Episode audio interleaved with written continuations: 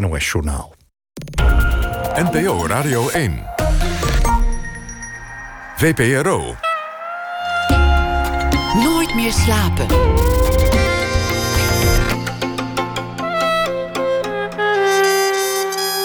Met Pieter van der Wielen. Goedenacht en welkom bij Nooit meer slapen. Met de komst van een achterkleindochter Vera begon Deborah Kampert met het bijhouden van een overdagboek. Het dagboek van een overgrootmoeder. Wij knippen de wind naar een uitspraak van Vera op de vraag wat ze aan het doen is. En dat is dan de definitie van poëzie, zei echtgenote Remco Kampert. En dat is ook de titel van het boek. Het is een uh, korte versie van dat dagboek. Korte beschouwingen over de achterkleindochter, over ouder worden, omkijken. Een portret van een ouder wordende vrouw met een rijk leven. En die ouder wordende vrouw zit tegenover mij. Deborah Kampert werd in 1938 geboren als Deborah Wolf. Ze kwam eh, uit de VS als jonge vrouw naar Nederland. En ze was een groot deel van haar werkende leven de beheerder van de kunstcollectie van ABN Amro. Welkom. Wat leuk dat je te gast wil zijn. Bedankt voor de uitnodiging. Overigens, ik ben geboren als Deborah Spelman. Spelman. En toen, toen en was het de naam. was de naam van mijn eerste echtgenoot. En daarna Kampert de naam van de tweede, Tweede echtgenoot. echtgenoot. Ik heb maar twee gehad. Nou ja, ik heb meer mannen gehad, maar nou, twee Niet met, officieel. al- niet met allemaal getrouwd. Nee. Daar komen we nog wel over te spreken. Oh nee. Over, over de mannen in je leven. Je beschrijft meteen in, in je boek. Dit, dit vond ik. Er staan heel veel korte verhalen in die, die mij wel aanspraken. Je beschrijft het moment dat je uit de VS, acht en een halve maand zwanger, in 1959 arriveert op Schiphol met Sabena Airlines. En dat is dan eh, een, een angstaanjagende vlucht. Ja. Omdat een van de vier motoren ermee kapt. En dan wordt jullie verteld: we moeten wat brandstof lozen. Let maar niet op de vlammen. Er kunnen vlammen rond het vliegtuig optreden.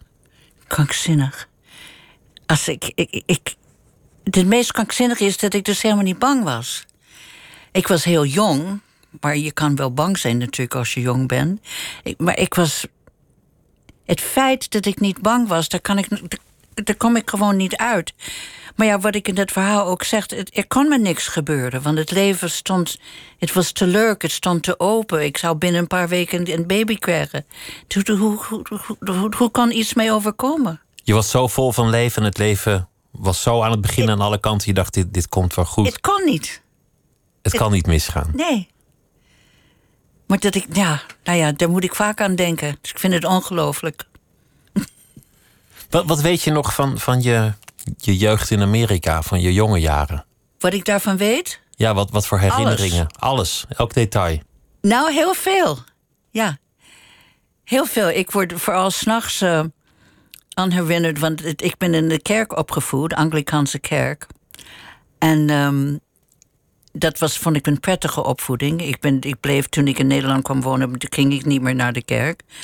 Maar ik, eh, hoe noem je dat als je. eh, Ik bidde s'avonds. Ik, ik bid. Ik, eh, als je gaat slapen, dan, dan bid ik. Is dat bidden? Als je een soort. Je bad dan, denk ik. Ja. Nou ja, ik, ik, ik zeg tegen Je zei mezelf. gebed.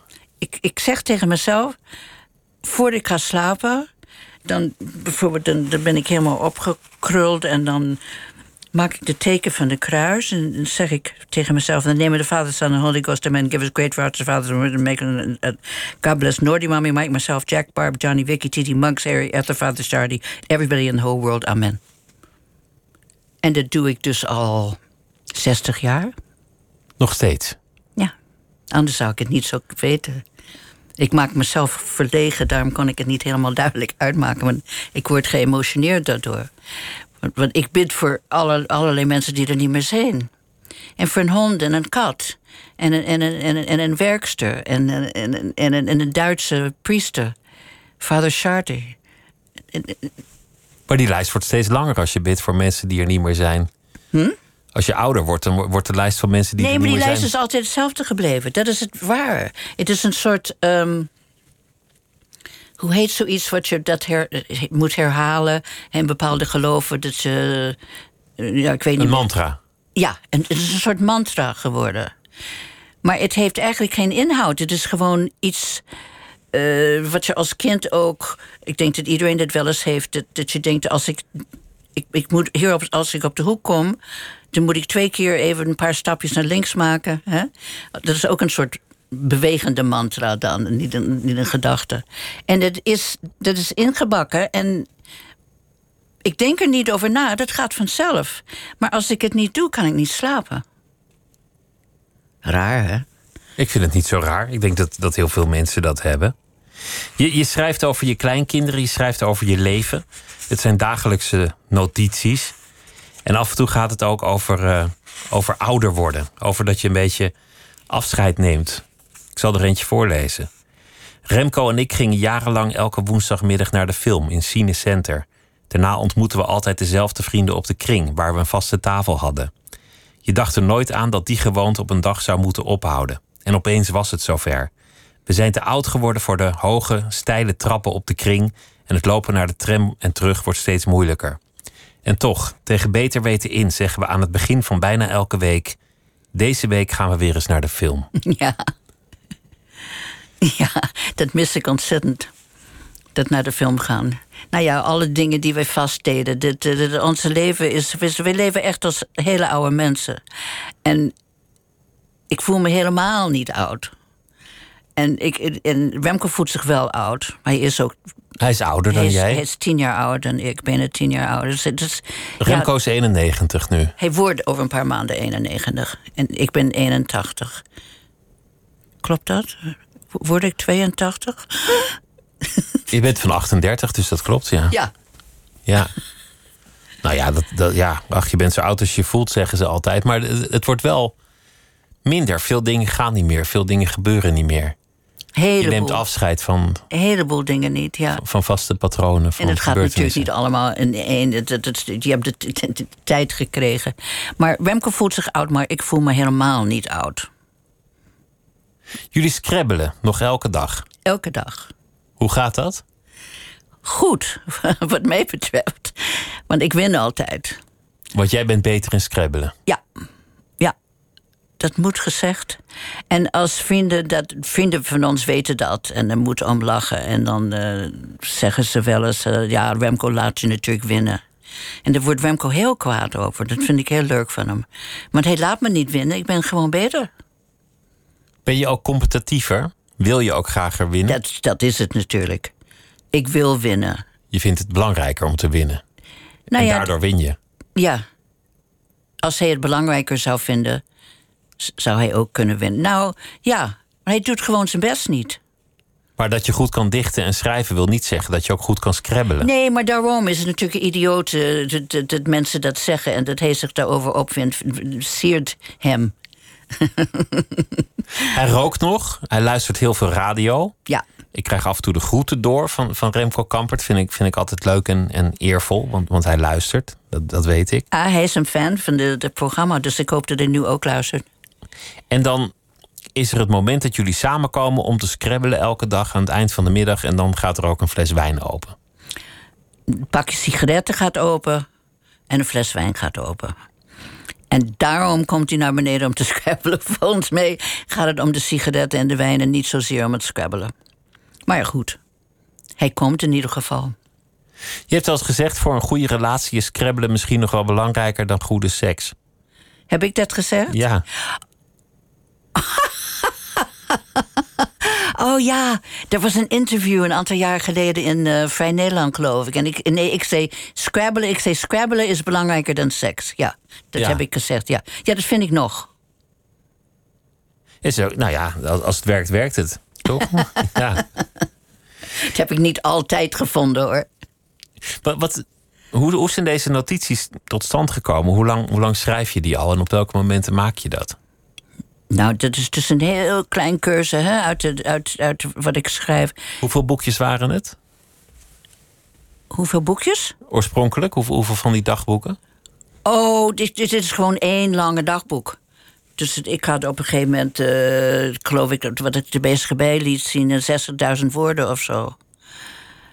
Eh, ik schrijf gewoon elke dag, schrijf ik wat. Maar helemaal niet met de bedoeling daar een boekje van te maken, maar gewoon omdat ik dat wil doen. Dus het, het, het, dus het enige wat ik echt heel leuk vind, uh, is woorden achter elkaar zetten. Daar ontleen ik veel plezier aan. En dus op een gegeven moment had ik gewoon een heleboel dagboeken. Nooit geschreven met de bedoeling ze uit te brengen? Nee. nee. Nooit voor publiek gemaakt? Nee, echt voor mezelf. Maar wel, ik wel deed ik altijd moeite om de woorden goed achter elkaar te zetten. Want anders is het niks aan. Als je gewoon uh, opschrijft, nou vandaag uh, ben ik naar Albert Heijn geweest en uh, vanmiddag. Nou, zo is het niet. Het moet mooi zijn. Het moet wel een beetje mooi zijn. Mooi literair. Dat, Ja. dat is gelukt. Want, want het zijn grappige stukjes. Het zijn, het zijn verwonderlijke stukjes. Het, is, maar hoe is, het gekomen dat het, dat het is uitgekomen? Hoe is dat gegaan? Nou, ik heb eerder in mijn leven een paar boek, boekjes gemaakt. En uh, de bezige bij wisten dat ik een dagboek bijhield. En oh ja, het is eigenlijk gekomen omdat ik had wat stukjes staan in uh, Elsevier. Een paar zomers geleden had Elsevier meegevraagd, omdat Remco niet voor, uh, voor Elsevier schreef. Heeft Elsevier meegevraagd in een soort zomereditie een aantal columns te schrijven. Daar was ik zeer mee vereerd en verbaasd. En dat heb ik gedaan. En toen heeft de bezige bij die stukjes gezien en hebben mij een, een contract aangeboden. Zo voor, ja, zomaar. Ze zagen er wat in. En, en, ze zagen er wat in. En toen, toen heb ik ze dus mijn, mijn dagboek laten lezen. Wat dus heel veel was. En een heleboel. Ja, niet uit, uitgeefbaar, is dat een woord? niet echt interessant om uit te geven, denk ik. En toen hadden ze bedacht. Omdat Vera zo'n belangrijk voor mij is geworden in mijn leven. En omdat met die uitspraak van Week knippen de wind. vonden ze zo prachtig. Dus er was een beetje. hun cursus hebben te maken met hun uh, vertedering, denk ik, voor die stukken. Is ook een prachtige citaat. Wat ben je aan het doen? Wij knippen de wind. Is toch niet te geloven? Ze was tweeënhalf toen ze dat zei. En wij waren in de tuin samen. En zij had gevonden in de tuin een zakje met oude speelgoed. En van die plastic staafjes, soort lange staafjes. En uh, we hadden ieder een staafje waar we zo aan zwaaien met die staafjes. Tweeënhalf. En ik zei, Veer, wat zijn we aan het doen? Zonder na te denken zei ze, wij knippen de wind. Nou ja. Het is mooi dat je het opschrijft, dat je het niet vergeet. Nou ja, dat is het nut van een, van een uh, dagboek. Want anders vergeet je zoiets. Dan nou ja, het is heel moeilijk om dat te vergeten. Maar dan, van die kleine dingen. Men, en ik heb nog veel meer. Maar goed, de bezige bij wilde een kleine... Ja, als een soort... Ja, ik zie het nu, omdat het zo dun is eigenlijk... als een soort gedichtenbundel. Ik ga je nog een stuk voorlezen uit je eigen dagboek. Oh, graag. Dat, dat doe je ook niet elke dag, iemand voorlezen uit het eigen dagboek. Ik ben verliefd, al een half jaar. Dat had ik al eerder willen schrijven, maar ik was bang dat het de magie zou verbreken. Het is natuurlijk een hopeloze verliefdheid. Hij is veel jonger dan ik en, naar ik vermoed, gelukkig getrouwd. Maar is hij ook verliefd op mij? Volgens mij wel een beetje. We flirten via e-mail en dat is al genoeg. Vroeger was ik altijd verliefd. Meestal op meerdere mannen tegelijk. Al mijn oude liefdes zijn overleden, op één na, realiseer ik me nu ik dit opschrijf. Ik was vergeten hoe verliefdheid voelt. Ik lees in een brief die ik op 22 maart 1966 aan mijn ouders schreef. Ik voel mij heerlijk, druk, bezig allerlei ontdekkingen te doen. En ik ben weer eens verliefd. Dit keer om de situatie nog ingewikkelder te maken op een getrouwde man met twee kinderen. Hij is ook nog eens twee keer eerder getrouwd geweest. En die getrouwde man was Remco. Ja. Ja. Dat, dat is, je zei net aan het begin van oké, ik ben twee keer getrouwd geweest, maar er waren wel heel veel mannen. Redelijk leven? veel. Ja, redelijk veel, ja. Veel liefdes, ook veel liefdes door elkaar heen. Daar, daar schrijf je hier ook over dat je, dat je relaties had, affaires had. Jullie hadden allebei relaties en affaires. Ja, een slordig, slordig leven geleid. Slordig geleefd. Ja, Jullie zijn ook 15 jaar uit elkaar geweest Ja. en weer bij elkaar gekomen. ja. Het- jullie, jullie liefdesgeschiedenis is, is wonderlijk. Ja, het is echt wonderlijk. Want we we waren dus eerst, hoe lang bij elkaar? 15 jaar of zo. En toen ongeveer 15 jaar niet. En nu zijn we 24 jaar getrouwd. In 1996 getrouwd. Ja. Er is een moment, dat, dat, dat is wel eens opgerakeld. Er is ook een, een, een biografie van Remco, er is natuurlijk heel veel over geschreven. Dat je zo boos was toen hij je nacht was weggebleven. dat je al zijn boeken in vuilniszakken op de stoep hebt gezet. en spijt kreeg. Oh, dit is niet te geloven, dat verhaal. Het is echt waar. Hoe ging dat? Wat, wat gebeurde daar? Nou ja, hij, hij woonde in de, in de eh, Van Breestad bij uh, Werner Herbers en, en Vera Betts die toen nog getrouwd waren. En Remco had, wij waren uit elkaar en hij had zijn werkkamer op de bovenste verdieping. En ik was zo jaloers waarschijnlijk, kwaad, misschien ook dronken. Hoewel als ik dronken was, had ik dat nooit kunnen doen. Want het waren veel trappen. Ik ben dus de trap opgegaan. Ik heb dus met Founderszaak hebben al zijn boeken. Maar er waren natuurlijk toen in die werkkamer minder boeken dan het nu zou zijn hoor. Maar het waren wel, denk ik, twintig of dertig zakken. En die heb ik uh, gevuld met zijn boeken en allemaal naar beneden gebracht. En toen begon ik, toen ik beneden was, te huilen. God, als ik mezelf voor praten, denk ik, wat een vreselijk raar leven. Nou ja, goed. Beneden met die zakken. En toen dacht ik, nee, dit kan ik niet doen. Dan heb ik ze allemaal weer naar boven gebracht. En weer teruggezet? Hm? En netjes in de kast geplaatst? Nee, dat niet. Gewoon wel in de vuilniszak gelaten? Ja. Om te laten zien dat ik dat wel had gedaan. En dat, dat ja, het, ja, het is net alsof ik het verzin, maar dat is eigenlijk schandelijk, belachelijk, belachelijk verhaal. Het duidt op een rommelig leven, maar jullie waren allebei rommelig. Ontzettend rommelig. We zijn nu zulke keurige mensen eigenlijk. Zo keurig. Maar jullie hebben elkaar wel weer gevonden. Jullie zijn wel terug bij elkaar gekomen. Ja, maar en ook in al die jaren dat, dat we niet samen woonden, uh, lieten we elkaar niet los hoor. Want wij hadden een huis in Noord-Frankrijk heel lang. Twintig jaar lang, langer. En ehm, toen we uit elkaar waren, gingen we toch zomers naar het huis samen. En dus met dus dat was een, een, anker, dat was wat jullie samen hield? Ja, ja dat noem ik ons cement. Dus dat huis in Noord-Frankrijk en ook een aantal vrienden die nooit. Een vriend, als ik een vriendje had, nooit mee zou uitnodigen met dat vriendje. En als Remco een vriendin had, ook nooit Remco uitnodigen met dat vriendin. Toen bleven ze ons uitnodigen. Dus dat waren twee, uh, twee cementen. Maar we hadden wel, we, waren, we bleven wel bevriend hoor. En, en, en, die tijd. En toen hadden we ook ooit afgesproken... ja, later komen we bij elkaar. Meenden jullie dat toen? Mm, denk het wel. Jullie hebben het waargemaakt, dus... We hebben het waargemaakt, ja. Had je, had je dat echt kunnen voorstellen, dat jullie samen oud zouden worden? Ja. Ja. Ondanks de chaos, ondanks de rommeligheid. Ja de ruzies, het, het, het overspel, alles. Nee, we hebben zo'n eigenlijk een bespottelijke leven gehad, allebei. Slordig. Remco's vader heeft ook een boek geschreven, Slordig Beheer. En daar moet ik er steeds aan denken, aan die titel. Slordig Beheer. Vreselijk. Ik had het laatst met mijn dochter erover. Van, Leslie, was ik zo'n vreselijke moeder? Nou, nee, je was niet een vreselijke moeder. En anders, als je zo'n feestelijke moeder was geweest, waren we nu niet zo goed bevriend. Maar dat zijn we wel. Ik geloof dat mijn kinderen van mij houden. Dat hoop ik tenminste. Dus zo feestelijk was ik kennelijk ook niet. Maar slordig. Slordige mensen. Drank, seks en rock'n'roll.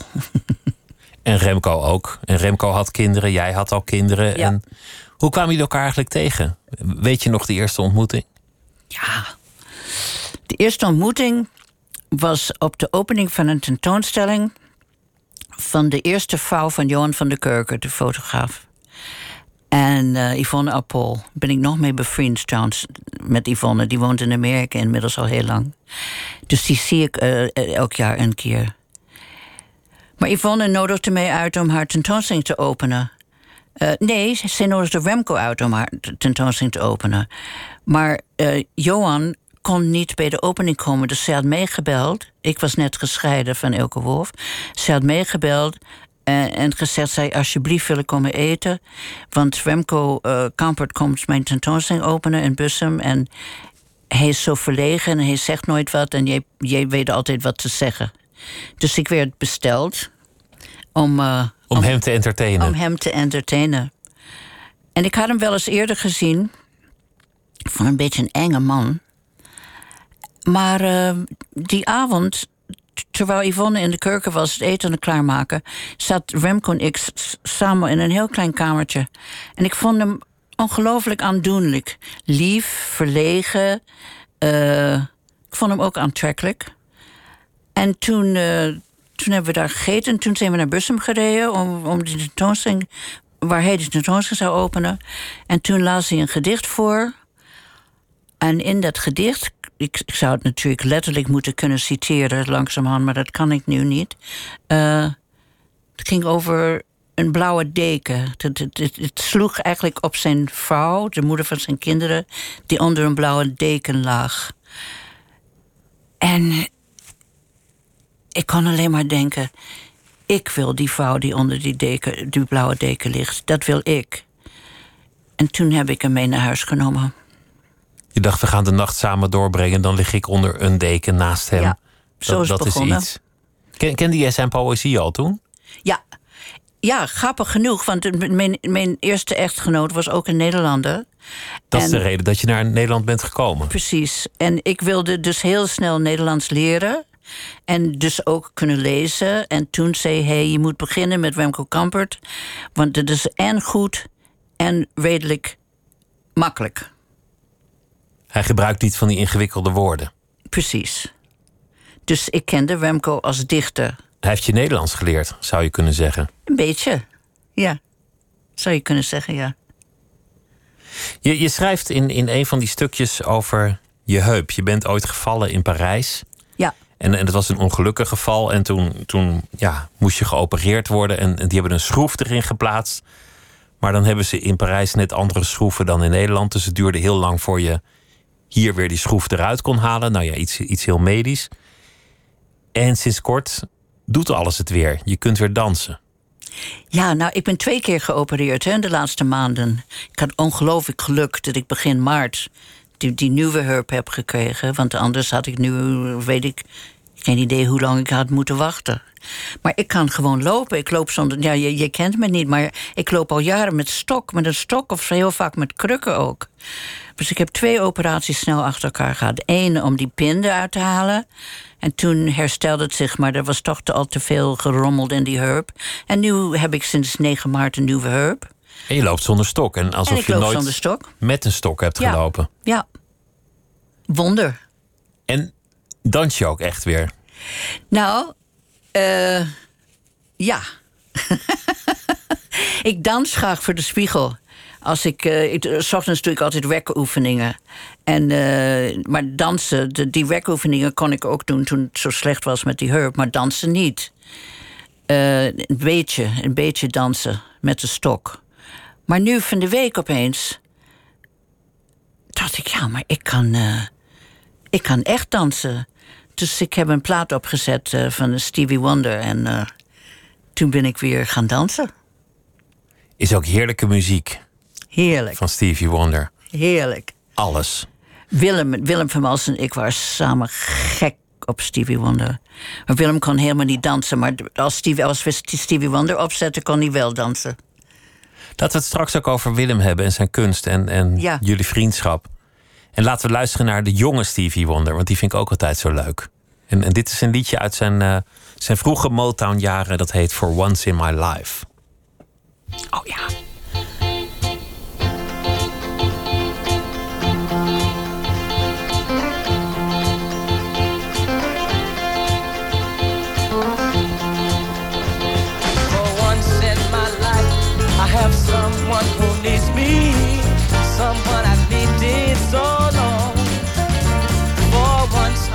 afraid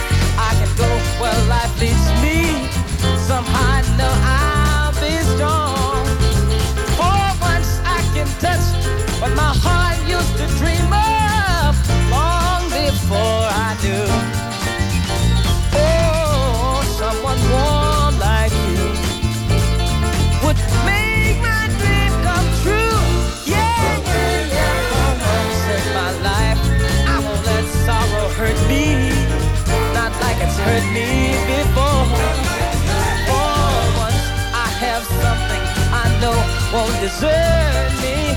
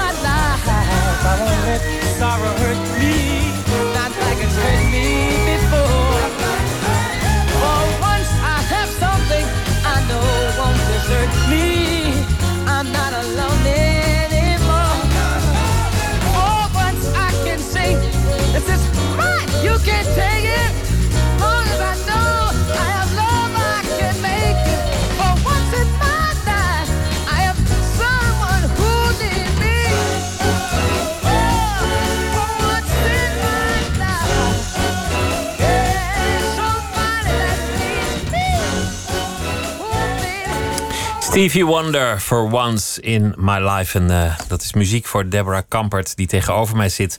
Wij knippen de wind. Dat is het eh, boek Notities van een overgrootmoeder. Over eh, het dagelijks leven.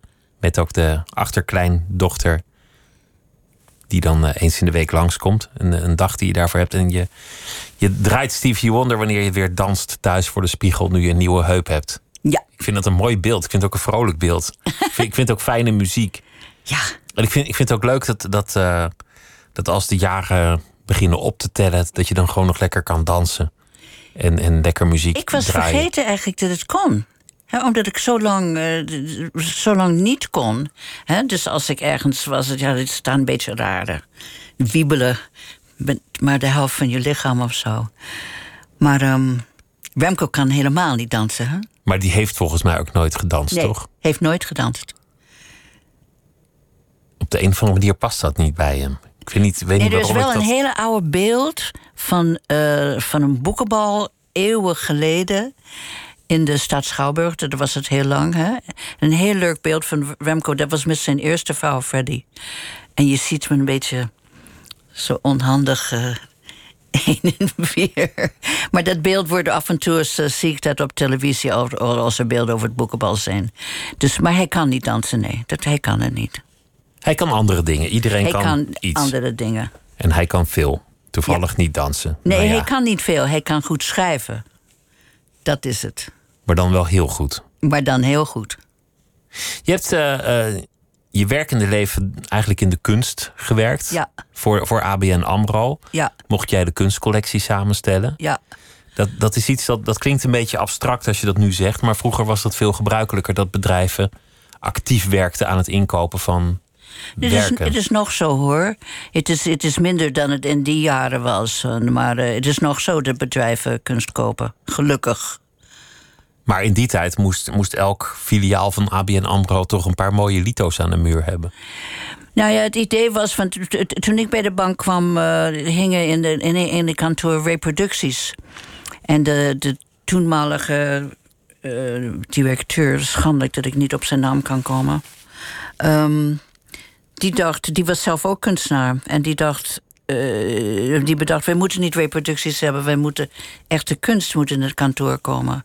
Dus zij begonnen met, met grafiek kopen, omdat grafiek goedkoper is. En, eh, maar toen, er, er was al het een en ander gekocht voordat ik gevraagd werd om adviseur te worden. Dus er waren een paar jaar was iemand anders daarmee bezig. Maar toen ik adviseur werd, heb ik gelukkig de bank kunnen overtuigen dat ze niet al dat geld. Ze hadden toen een miljoen, miljoen gulden per jaar om te geven. Dat ze niet al dat, jaar, eh, al dat geld aan, aan, aan, eh, aan grafiek moest uitgeven. Maar dat ze een serieuze collectie moest beginnen met echte schilderijen en echte beeldhouwwerk en echte tekeningen. Dat was mijn grote uh, bijdrage, zeg maar, aan mijn, mijn advies voor de bank. En toen heb ik in twintig jaar 10.000 werken mogen komen. Niet allemaal even belangrijk en niet allemaal schilderijen en beelden, maar ook heel veel grafiek. Want er moest toch ook grafiek gekocht worden. Maar ik was mijn kast aan het uitruimen en kwam van de week niet dat ik het vergeten was, maar ik ben weer doorheen gaan bladeren. Ik heb in die tijd ook drie schitterende catalogi mogen maken, samenstellen en, en zelf maken. Van de, van mijn cursus uit de, uit de werken die ik gekocht had voor de bank. Toen was ik heel tevreden met mezelf. ik vond dat ik het goed had gedaan. Maar dat betekende dan dat je, dat je heel veel ateliers afliep en galerieën en exposities. En dat je eigenlijk altijd ik was altijd aan het kijken. verkeerde. Ja, ja. En altijd proberen te zien wat goed is en wat waardevol is en mooi. Ja. Het lijkt me een heerlijke baan. Oh, het was fantastisch. Maar ik heb ook een echtpaar geadviseerd, hè, binnen twintig jaar lang. En dat was ook net zo fantastisch. Want die, die kwamen mij op, op zaterdagmiddag ophalen met de auto. En dan reden we naar Berlijn bijvoorbeeld of zo. heerlijk, heerlijk. Dus naar ik Berlijn gaan kunst kijken. Ja, en kopen, hè? En kopen. En lekker met andermans portemonnee kopen is ook altijd fijn. Nee, ik heb, ik heb echt zo'n ongelooflijk rijk, leuk leven gehad. Maar het is allemaal gehad, hè? Zie je dat zo? Is het omkijken geworden? Ja, ik vind het leven nu niet erg opwindend. Dat hoeft ook niet. Ik bedoel, ja. Nee, ik ben eigenlijk gewoon bezig met het terugkijken. En als ik terugkeek, dan is het een fantastische leven gehad. Maar ja, goed, ik leef nog, dus zo mag ik eigenlijk niet praten. Ik moet niet alsof het voorbij is. Maar het is natuurlijk meer voorbij dan dat het geweest is. Want dat beschrijf je ook. Dat dan, ja, de danslessen eraan gaan en dan de drankjes in de kring eraan gaan en dan de bioscoop erbij inschiet en het zwemmen is er dan nog, maar dan nou, vallen er vrienden weg. Helemaal aan het eind van het boek uh, is een heel, vind ik een heel leuk. Uh, nou, conversatie kan je niet noemen tussen Remco en mij. En dit, dit, ik geloof dat ik het zo heb opgeschreven. Um, gesprek tussen oude, een oude echtpaar. Um, en die man zegt, dat is de Remco natuurlijk. Jammer hè, dat we dood moeten. En dan zegt zijn vrouw, ik dus... Ja, en het was, het was net zo leuk. Is, is dat een thema dat, dat echt vaak binnenkomt? We gaan naar het einde toe. Ja, toch wel. Maar niet zo van, oh jee, we zijn bijna dood of zo. Maar ja, Remco is natuurlijk heel erg bewust van zijn leeftijd. En ik ook van zijn leeftijd. Maar ik ook van mijn leeftijd. Maar ik voel me niet oud. Remco voelt zich oud. Jij bent fitter. ja, hij is helemaal niet fit. Dus er is geen kwestie van fitter, fit, fit of fitter. Fit. Eén is fit en de ander niet. Ehm, maar hij is in zijn hoofd nog fit, hoor. Dat, dat lijkt me toch het belangrijkste. Ja. Nog, nog over, over die kunst. Je schrijft daar één stuk over dat je voor de banken een Charlotte Dumas kocht. En dat is tegenwoordig. Marlene Dumas. Marlene Dumas, sorry. Charlotte is de, van de paarden. Ja. Marlene Dumas, die koop je. En, en dat de bank dat eigenlijk nog niet zo kon waarderen. Hoe beroemd ze later ook is geworden. Dat, dat ze daar toen dachten van... Oh ja, in het boek schrijf ik... Ik heb dus een... Ik weet niet waarom ik dat ooit heb gedaan... maar ik schreef een stuk alsof ik het, schilder, alsof ik het, het schilderij was. Dus die schilderij praat en vertelt bijvoorbeeld hoe lang ze is. Hè, dat is van een vrouw. Van hoe lang en hoe, en hoe dik. Hè, en, uh, en hoe zij aangekocht werden. En hoe men haar eerst beschadigd had. En, uh, en dat er op een gegeven moment dat ze. Wat is echt met een. Dat, dat doek is met een balpen ja, ja. beschadigd in de directiekamer of op de ja, gang. Ja. En, en die vrouwen van de leden van de Raad van Bestuur toen, van de, van de AMRO, die. Uh, die, die vonden een schandelijk schilderij. En het moest, hoe, ik weet nog dat. Uh, die vrouw van een van die leden van het wapenbestuur had tegen haar man gezegd. Want, de, want de, de, de girlfriend heette dat schilderij. En dat hing in de gang van de leden van het wapenbestuur. En toen had ze ook gezegd van... hoe kan je elke dag langs die hoer lopen? En het moest weggehaald worden daar. Nou en toen is het beschadigd. En toen is het door uh, Rijkman Groening... die werd toen uh, uh, hoofd van de bank. En, en een kunstliefhebber, een leuke man. Die heeft toen gevraagd of dat schilderij in zijn kamer kon komen. En toen, en dat schilderij vertelt dat, dat ze, dat ze uitgekozen werden om in de kamer te kunnen hangen van de, de hoogste man van de bank. Maar jij, jij, zei toen hij al eerder een doek wilde tegen hem: daar ben je nu nog niet belangrijk oh, genoeg ja, voor. Ja, dat was voor lang voordat hij. Uh, uh, want hij is een stuk jonger dan ik, hè? En ik was al bij de bank bezig toen hij nog een, ja, een jongetje was bij de bank. Hij had natuurlijk wel een goede positie, was een redelijk briljante man. En um, toen mochten die, die als je een bepaalde positie had, mag je zelf naar de kunstkamer komen en zelf iets uitzoeken. Maar toen heb ik hem inderdaad. Hoe weet jij dat? Dat heb je een keer verteld. En Oh. dat, dat vond ik zo mooi, omdat, omdat het ook wel aangeeft dat je, dat je niet, niet, niet bescheiden was in je werk. Dat je, dat je ook wel een, een positie innam. Dat je tegen zo'n zo'n jonge Rijkman Groening zegt: Word eerst maar eens belangrijk en dan krijg je ook een mooi werk op je kamer. en, en dat hij toen terug zei: Ik zal belangrijk worden. en dat, dat is ook gelukt uiteindelijk. Moet je hem nageven. Zeker, zeker. Maar zo'n eh, zo'n Dumas, dat is nu een paar miljoen waard. Dat, dat kunnen ze bij zo'n bank wel Het is waarderen. nu. eh, ik weet precies wat ik voor betaald heb. Dat was 11.000 gulden. En het was, het is laatst getaxeerd op. Ja, staat in het boekje. Ik wilde zeggen 50 miljoen, maar dat kan niet. Eh, nou, zeg maar 5 miljoen. 5 miljoen, sorry, 6 miljoen, 7 miljoen, iets in die geest zal het zijn, toch? Ja, Ik heb 11.000 g- gulden voor betaald en het, is, het was nu getaxeerd op ja, miljoenen in ieder geval. Misschien 11 miljoen, ik weet niet. Bespottelijk. Maar dat kunnen ze bij een bank altijd waarderen. Maar, hm? Als, als iets geld oplevert. maar ik vind dat niet leuk. Dat, dat, dat, dat, dat, dat, dat, Dat het daar dan dat over gaat. zo duur. Nee, ik vind dat niet leuk. Ik vind het niet leuk. En ook de, de, de, de, kunstwereld is zo ontzettend veranderd in de loop der tijd. Zeker in die. nou, ja, ik, hoe lang ben ik weg? Veel te lang. 2002 moest ik met pensioen. Ja, dus heel veel veranderd. En, en, en niet beter geworden. Niet ten goede. Niet ten goede. Het gaat Wie- allemaal om geld. Wie jou heel dierbaar was, was eh, Willem van Malsen, de, de kunstenaar. Heel dierbaar. En hij is overleden in 2005. En jij hebt later een, een tentoonstelling samengesteld met, met heel veel werken van hem in Utrecht in het Centraal Museum. Mhm. Ik heb die tentoonstelling nog gezien destijds. Ik weet niet hoe ik erop kwam om daar naartoe te gaan, maar, maar het was heel bijzonder om, om dat werk van hem te zien, heel veelzijdig. Wat betekende hij voor je en waar, ken, waar kende jij hem van?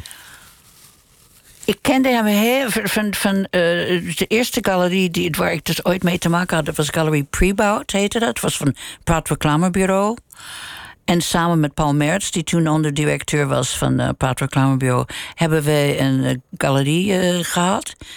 Eh, dat was dus van de, van de, van de reclamebureau. Het heette een heel flauw naam. Galerie Prebout. Want het was in de Wieboudstraat en het was van Praat Reclamebureau. Dus dat Oké, nou ja, Goed. vooruit. En een van onze eerste tentoonstellingen. Nee, en, nee, en Willem, die maakte ook wel tekeningen voor. eh, eh, dus dat was. eh, Om geld te verdienen. Hij was toen nog helemaal niet bekend als kunstenaar. Hij was ook niet echt een vrij kunstenaar toen.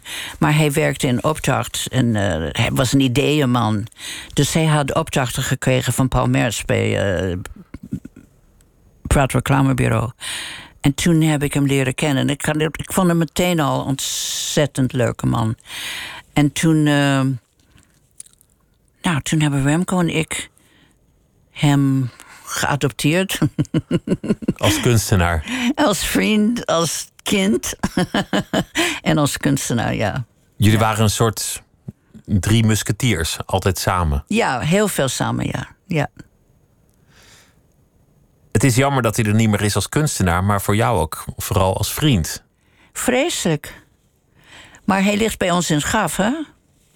Want jullie hebben al een graf gekocht, hij ligt er al. Ja, En dan, dan zijn er twee plekjes waar jullie bij kunnen. Nou, nog meer mensen kunnen erbij horen. Dat is een heel groot graf. Hoe, hoe groot? En, en wie komen daar allemaal? Nou, hoe, hoe groot is een graf? Eh, Ik denk wel. eh, meer dan anderhalf meter. groot. Ja, zo'n grote. Ja, hoe groot zou een graf zijn? Ik denk twee meter lang en. en 120 centimeter breed of zo. En heel diep. Er kunnen altijd meer mensen in een graf. Hè? Volgens mij kan je een heleboel mensen erin. Oh, een beetje stapelen. Ja. Maar, maar jullie hebben dat al gekocht en dan gaan jullie ook af en toe al kijken Nou, hoe het erbij nee. ligt, of dat niet? Nee, we gaan niet af en toe kijken. Nou, dat wil zeggen, ik ben laatst met de zuster van Willem, daar ben ik nog altijd mee bevriend. Zijn we laatst op zoek gegaan naar een waar het graf is. Dat konden we niet vinden.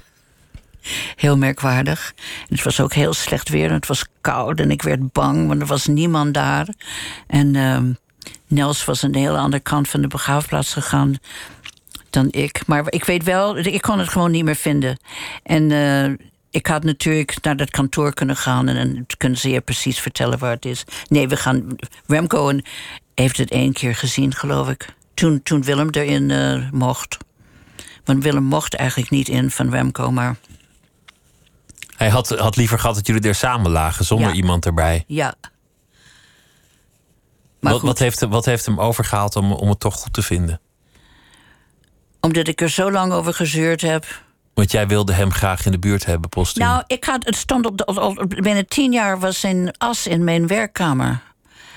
En, eh, want zijn zusters die, die wisten niet zo goed wat, er- ze ermee moesten. En ik werd daar een beetje ongelukkig van. Dus ik dacht, waarom zou zijn as niet bij ons mogen? En Remco, ik heb hem verschillende keer gevraagd. En hij zei, nou, ik wil het niet. Nou, oké. Nou ja, op een dag zei hij dat het mocht. Misschien heb ik het heel lief gevraagd of zo. Of dat hij dacht, ja, waarom niet eigenlijk? En nog meer vrienden die, er, die in de buurt komen liggen? Of, of houdt Kees en? Barbara van Koten, die komen naast ons te, ons te liggen. We hebben dus samen die, eh, die graven gereserveerd. Dus je koopt niet een graaf, hè? Dat, dat huur je. Of je betaalt een bepaald bedrag daarvoor. En dan betalen we ook de onder. En dan moet je een steen erop laten leggen. Dus we hebben stenen gekocht, Barbara en ik. En, en dan moet je een soort huur betalen. Elk jaar zijn onderhoud moet je betalen. Maar die liggen er al, gelukkig al heel lang ongebruikt. Ja, hoe lang hebben ze? Ja, dit was een, gewoon een beetje... Begon als een soort grappig idee. En Barbara en ik hebben dat eh, bekokstoofd en we hebben dat eh, gedaan. Wel met toestemming natuurlijk van Kees Remco, maar die, die kwamen niet eens kijken. Die kwamen pas kijken toen wij die stenen hadden laten maken en die stenen er lagen. Ik geloof dat ze het eigenlijk pas gezien hebben toen Willem erbij kwam. Want we hadden een soort kleine ceremonie gemaakt voor die. eh, voor de verrassing, of hoe noem je het zoiets? Ja. En dan weet je al waar het eindigt. Maar dat is ook maar een lichaam, een omhulsel dat daar komt te liggen. Ja. Het is niet alsof je er zelf ligt of dat je er zelf veel weet van zult hebben dat je daar ligt. Nou, het is heel raar hoor. Als je daaraan denkt. Dat je, steeds, dat je zou kunnen steeds kijken waar je komt te liggen. Nou ja, Nou ja, het, het hoort erbij. Je, je, je schrijft ook dat je, dat je angsten hebt voor, voor aftakeling, voor, voor dementie. Als je iets vergeet, dat je denkt: oh nee, is het al begonnen? Oh, Weet ik alles nog wel? heel erg bang ben ik daarvoor. Omdat ik, ik lees steeds dat een van de vijf mensen krijgt dementie. Dat, dat lijkt me verschrikkelijk. Dus ik doe kleine oefeningen met mezelf om bepaalde dingen te onthouden. Maar van de week was ik zo ongelooflijk gelukkig. Omdat, eh, ook in verband met het boek... eh, was ik voor een klein interview gevraagd in... ehm, Jee, dat ik het nu niet eens weet. In het Algemeen Dagblad, geloof ik. Zo'n telefonisch interview. En het ging over boeken. Boeken die aan het lezen was. En eh, wat je lievelingsboek was. En een boek die je graag het liefst geschre- ge- geschreven zou hebben. En ik wist eh, ongeveer wat die vragen zou zijn. Dus van tevoren heb ik me een beetje voorbereid. En ik dacht, er is één boek. Het is het mooiste wat ik ooit heb gelezen. En ik kon niet op de naam komen, nog van de schrijver, nog van de titel van het boek. En ik maakte mezelf echt helemaal gek. En toen zondagochtend, want die interview zou maandagochtend plaatsvinden, zondagochtend, en het is belangrijk dat het zondag was, werd ik wakker met de titel van het boek Mothering Sunday van Graham Swift. En toen had ik hem. En dat was uit mijn onderbewustzijn gekomen. En ik was zo ontzettend gelukkig. Maar dat heeft iedereen toch? Dat je niet meer weet waar je sleutels hebt gelegen. eh, Ja, dat is wat anders. Dat, dat je, Maar als je, een, als je weet dat er één boek is die het allermooiste vindt wat je ooit hebt gelezen. en daar niet nog op de titel, nog op de naam van de schrijver kan komen. dan is dat zorgelijk. dan vrees je dat. Wat, wat zijn de momenten dat je volmaakt gelukkig bent? Want, want in, je, in je boek zit toch ook heel veel blijdschap. Heel veel, heel veel momenten dat je het leven ten volste omarmt. En dat alles klopt. Ja. Nou, die momenten zijn steeds minder frequent hoor. Maar ik ben niet een on- on- ontevreden, eh, ik ben niet een ontevreden vrouw. Ik ben eigenlijk Zo kom je ook niet over. Nee, en ook door- door- doordat het boekje uitkomt en, en, en dat het boekje vrij veel aandacht krijgt, geniet ik enorm van. En als ik terugkeek, denkend over mijn leven, weet ik dat ik gewoon een ongelooflijk rijk, rijke leven heb gehad. Eh, in allerlei opzichten. En echt, en dat ik zoveel dingen heb gedaan, dat ik, dat ik denk, jee, heb ik dat gedaan? En dat ik zoveel genoten heb. Ja, zie ik praat alsof ik dood ben. Je, je schrijft ergens over jezelf als, als jong meisje dat je als jonge vrouw nooit jezelf naakt had gezien. Nee. Nooit één keer voor de spiegel was gaan staan om je eigen lichaam te bekijken. Is dat niet een raar verhaal? Dat je al moeder was toen je voor het eerst bijna per, per ongeluk jezelf bloot zag. Ja. Nou ja, ik kan nu niet natuurlijk in dit gesprek dat hele verhaal vertellen, maar het is. Maar het is wonderlijk. Het, het, het is een andere tijd, een andere omgeving waarin je opgroeide. Ja, maar het is toch raar dat je jezelf nooit naakt hebt gezien? Dat je niet weet hoe dat eruit ziet. Ik weet nog niet. Nu ook niet meer. In, mijn, in mijn badkamer is het dus, het zijn soort, soort drie, het is heel breed. Zo drie spiegels, die komen dus tot net onder mijn borsten. Maar de rest niet, zie ik niet. En in mijn werkkamer is een langere spiegel, maar als ik daar kom ben ik altijd aangekleed. Het komt niet in me op. Is toch raar. Ik zou wel nieuwsgierig zijn. Op een gegeven moment van, goh, hoe, Ja, hoe zie ik eruit? Hoe zie ik eruit? Hoe ben ik eruit komen te zien? Hoe, eh, hoe staat het erbij? Nee. En jullie hebben niet dezelfde badkamer. Dat, dat lijkt me ook een formule voor succes. Remco en jij De, hebben... de formule van succes is, we hebben een gi- gigantisch huis, hè? Dus je kan elkaar ontlopen. We doen niks anders. De hele dag. Remco heeft zijn eigen verdieping. Ik heb mijn eigen verdieping.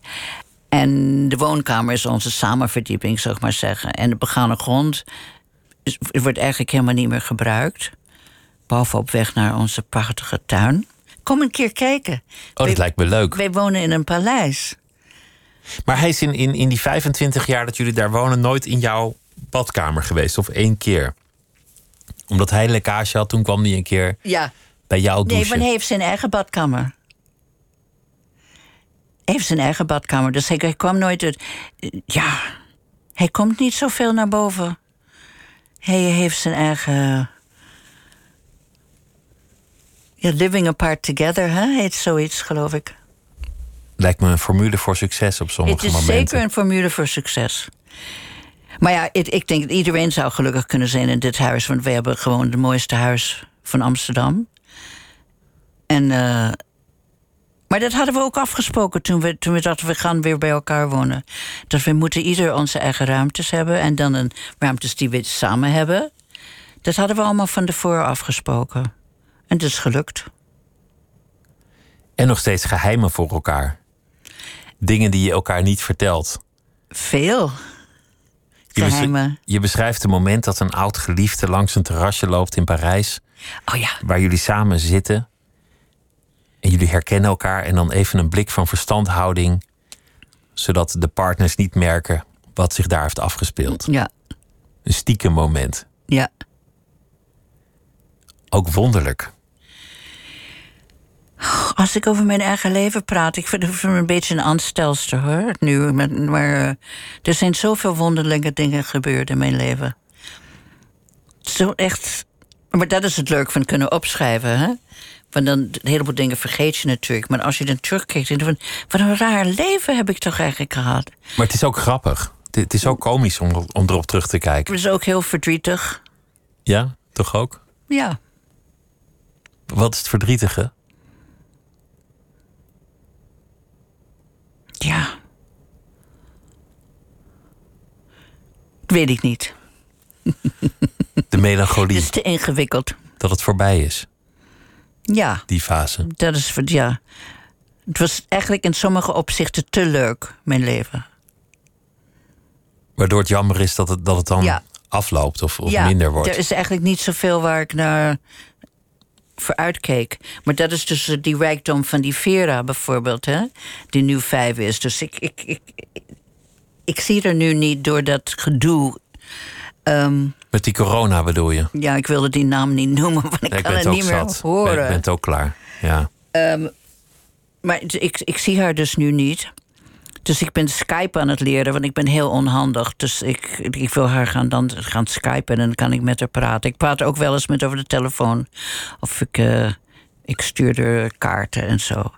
Maar dat, dat, dat is een grote vreugde. Dat, er zijn niet veel mensen die hun achterkleinkinderen meemaken. Nee, dat is bijzonder. Dat is bijzonder. Dan ben, dan ben je toch aardig wat generaties verder inmiddels. Ja. En zij komt nog steeds één keer in de week op bezoek? Nee, nu niet meer, want ze, ze, ze woont... Tot, tot ze, heeft, ze, heeft, bij ons gewoond, hè, met mijn kleindochter, in uh, ruim een jaar. Dat was ontzettend leuk. En toen hebben ze een eigen huis gekregen in Amsterdam-Noord. Dus ik zie, ze, ik zie ze sowieso minder vaak. En ze is ouder, dus ze zit ook op school en ze heeft het eigen leven. En, uh, maar ik mis haar ontzettend. Want het is, het is inderdaad heel bijzonder om, om een achterkleinkind te hebben. Is dat anders dan een klein kind? Tijd die je doorbrengt met, met weer een generatie verder? Nee, eigenlijk niet. Want ik heb ze ook ongelooflijk genoten van mijn kleinkinderen. Heel, heel erg genoten. Want ik heb dus, dus ik heb drie kleinkinderen, hè? Zeg ik het juist? Drie kleinkinderen, ja. Twee kinderen, drie kleinkinderen en één achterkleinkind. En het Rijk, achter, hè? Ja, dat, dat is rijkdom. En het achterkleinkind is, is een bron van verwondering. Je schrijft, soms is ze ineens niet zo lief. Dan, dan, dan moet ze me even niet. Nee. En, en dan voel je je onzeker bijna als een in de steek gelaten geliefde. Ik voel me afgewezen. Afgewezen. Ja. Dan hoop je weer in de gratie van het kindje te komen. Ja. Als zij bijvoorbeeld, eh, als, zij, als ik haar op straat... Nu zeker niet meer op straat, maar voor dit gedoe dan uh, als het staat. Als ik haar mee tegenmoet zag komen, of hoe moet ik dat zeggen? Als ik de deur uitging en, ik, en zij was buiten met mijn kleindochter. En, en dat ze naar huis kwam en dat zij mij zag. En dat we elkaar zagen en dat zij naar me toe holde. Met de armpjes zo. Uh, dat, nou ja, zo'n geluksmoment. Uh, zo heerlijk is dat. Maar dat maak ik dus nu deze dagen niet meer mee. Door de, door de grote plaag die over ons heen waart. Hoe, hoe kijk je daar tegenaan? Tegen nou, redelijk, redelijk nuchter, want. Uh, ik bedoel, ik, ik probeer dingen in. Ik probeer rekening te houden met bepaalde dingen. Maar wat mij betreft is het gewoon een Russische roulette. Je, je, voelt je niet kwetsbaar of, of dat soort dingen? Nee, ik ben redelijk voorzichtig, maar niet overdreven voorzichtig. En bovendien, ik moet boodschappen doen. Ik, uh, vanmorgen stond ik om vijf minuten uh, voor zeven bij de Albert Heijn op het Museumplein. Want dat is het uurtje voor de oudjes, hè? En. Uh, waarom vertel ik dit? Oh ja, met het gedoe. Nou ja, dit is natuurlijk, uh, dit is natuurlijk een beetje gevaarlijk, hè, naar Albert Heijn. En dit zit helemaal vol met, met die uh, vakken showers, hoe noem je dat? Die vakkenvullers. Maar, maar ga jij zo vroeg al boodschappen doen? Ik doe zo vroeg boodschappen omdat het een uur is wanneer er bijna niemand is. Dus wel de vakkenvullers, maar bijna geen publiek. Dus niemand die over je heen kan uh, snotteren? Precies. Dus, dus daar hou ik dan rekening mee. Maar verder, we hebben ook wel nieuwe vrienden over de vloer gehad. Hè? Maar het huis is heel groot, hè? dus je kan Je kan drie meter afstand houden als je wil. minstens. Dus dat hebben we wel gedaan, een paar keer met vrienden. En mijn dochter komt, met, met dat hele mooie weer... kwam mijn dochter veel regelmatig bij mij op het balkon zitten. Of in de tuin.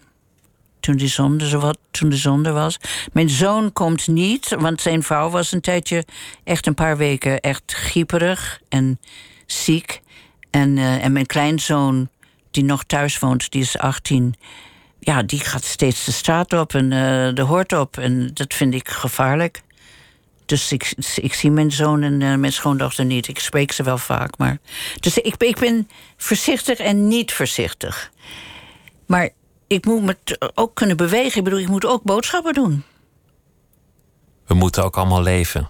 Het is een vervelende periode. Hoe, hoe ga je dit, dit boek presenteren? Komt er nog wel iets van een, van een feestje of een presentatie? Of, of ligt het nu gewoon in de etalage? Nou ja, de bedoeling was dat het bij Atheneum eh, gepresenteerd zou worden. Hè? En dat, het daar, dat ik een etalage zou krijgen. Maar dat is, dat is van de baan. Ja, niks. Gewoon. Dat Nou ja, het is er. Voor Het thuis is om te lezen. het is er. Wij knippen de wind. Notities van een overgrootmoeder. Deborah, dank je dat je langs wilde komen. Dank je dat je me gevraagd hebt. Het was me genoegen om met je te praten. Deborah Kampert en Doe Remco, mijn hartelijke groeten. Dat zal Als je, ik doen. als je dat wilt doen. En ik wens jullie allebei heel veel eh, plezier en heel veel eh, genoegen. En eh, veel succes met het scrabbelen ook natuurlijk. Dank je wel. Jij bedankt. En zometeen op NPO Radio 1 is eh Misha Blok aan de beurt voor eh Miss Podcast. En morgen dan eh, zit op deze plek Lisbeth Staats. En die gaat in gesprek met Joop van Riesen, voormalig commissaris van de Amsterdamse politie. En tegenwoordig natuurlijk ook schrijver van spannende boeken. En morgen dan zal hij daar meer over vertellen. En ik wens u allemaal een hele goede nacht.